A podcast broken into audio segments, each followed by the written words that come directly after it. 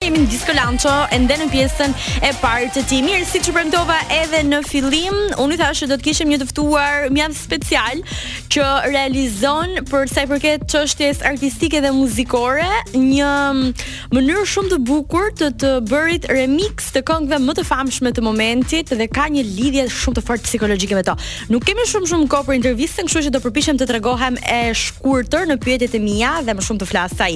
Genvis Muça, përshëndetje. Përshëndetje Albana, përshëndetje. Wow, çfarë energjie, Genvis, qenke për radio. Përshëndet, përshëndet gjithë ata që po na dëgjojnë pak tani, ha. Jemi live, hë? Patjetër, live, live. Mund më kishe pyetur përpara për këtë. Mirë, um, për gjithë ata që janë duke na dëgjuar dhe do ta shohin videon më vonë kur të publikohet në rrjetet sociale uh, e për më tepër në Youtube, unë dua të të tregoj vetëm një pjesë së tënde. Le lej këto rrena, se zemrën ti ma vrave mu. Patjetër, Ai është një super hit që bëri namin kudo, por mbi të gjitha në platformën sociale TikTok.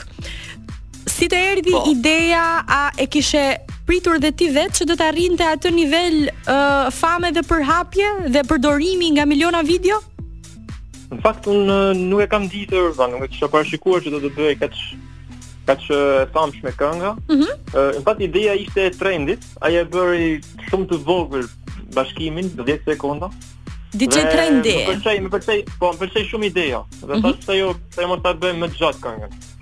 E pastaj unë e përfundova gati gjithën, ja çova Trendit e bëmë vetë një bashkëpunim. Edhe e hodhëm, e hodhëm pa pa menduar se do të kapte kaq shumë klikime, a kupton? Po klikime ti kapi e... Genvis po uh, para a more shumë? Për të drejtën, lekët i kanë marrë gjithë uh, Elvana Gjata dhe Butrint Imeri. O? Oh? Nuk kam fituar asgjë nga kjo. Jo, pse, sa u mërzita?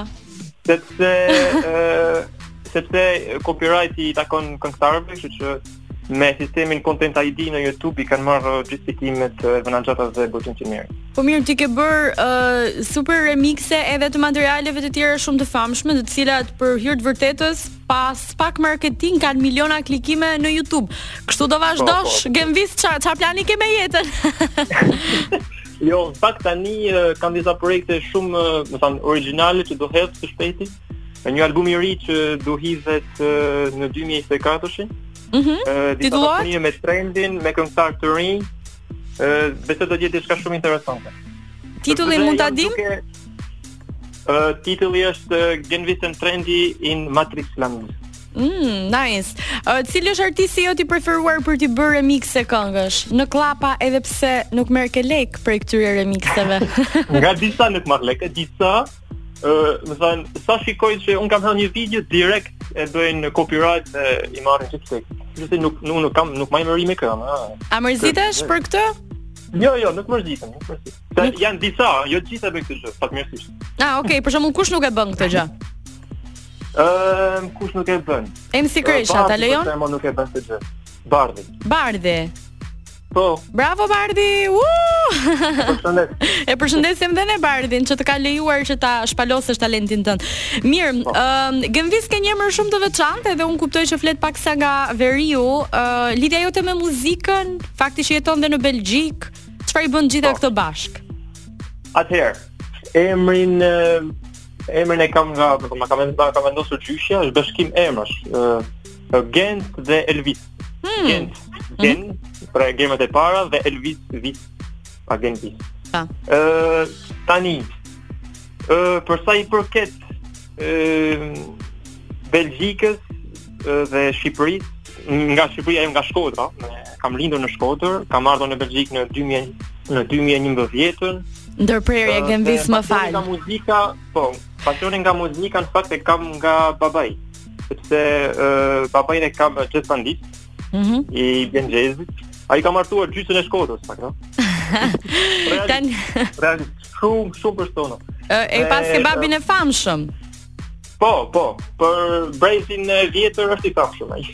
Po, ju të Shkodrës ka ndonjë që nuk është artist dhe e di pse të pyeta se Shkodra patjetër është djep i kulturës e të tjerë e të tjerë. Por Shkodra këtë vit ka patur edhe një një boom shumë të madh Nga të gjitha anët, klikime, turizëm, përmendje për hir të personazhit Luiz Ejlli. I ke bërë ndonjë po. remix Luizit? Edhe a mendon që ai do të të kërkonte të drejta autore si nga Shkodra që të ka? Realisht, realisht jam duke punuar me një me këngën për gjithë si e ka titullin. Për gjithmonë. Për gjithmonë.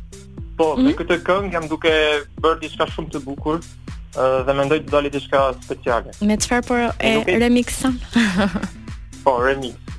Po. Uh, dhe po me këngë tjetër apo vetëm atë? Jo, vetëm atë, vetëm atë. Mm, vetëm mm, bukur.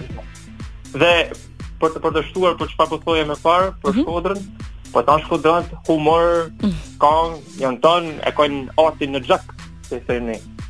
Jena qytet me tradit, me kultur. Çfarë do të të kthente në Shqipëri, Genvi, sepse kur je jashtë e shikon edhe botën artistike në një sy tjetër, pa çka se edhe investon këtu. Në syrin tënd artistiko kritik, çfarë do doje ti të sillje ndryshe, çfarë do vije ndryshe? Ehm, çfarë do të sillja në Shqipëri? Ehm, në Shqipëri ndoshta ndonjë koncert. Për të thënë të drejtën, akoma nuk kam marrë një ftesë zyrtare ë për koncert në Shqipëri, por do të ishte diçka shumë e bukur. Do një ftesë zyrtare. Do të bënim një koncert në, sidomos të bënim një koncert në Shkodër, mm -hmm. me gjithë grupin tim, me Trendin, me Vitain, që janë super, janë super talenta, janë super çuna. Dhe do të ishte diçka fantastike. Ëm, um, doja ta nisnim në Shkodër më pas për ta vazhduar. Cili është po. artisti yt i preferuar global për sa i përket fushës që aderon dhe ti? Hmm. Do thoja Tiesto.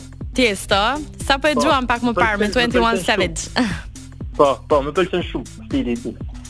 Nga artistët shqiptarë, cili është uh, i preferuari yt që ti do të pëlqente shumë që t'i bëje materiale muzikore, siç për shembull ka bërë së fundi mm. David Guetta me Bebe Rexhën, që kur bën po, dy është po, gjithmonë po. më mirë se një.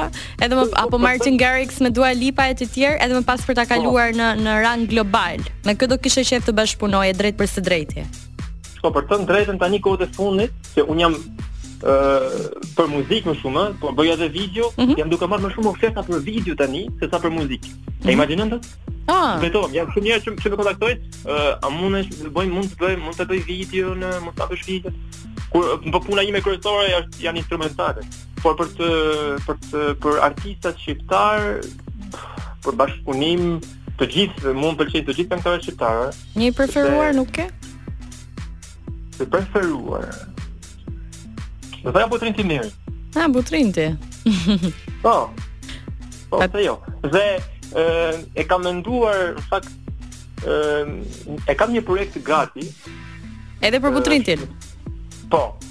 Okej. Okay. Po. Mjaft bukur. Po, Mirë. Është një një një një një sekond. Super projekt. Ke 40 sekonda, thuaje shpejt. Okej, okay, okay, e kam gati instrumental. Ë, mhm. të gjitha fjalët, domethënë tekstin, melodinë dhe nëse Elvana Gjata dhe Butrint Imeri kanë dëshirë, do të ishte një projekt shumë i bukur bashkë. Plagë, por, domethënë, tipo nga plagë,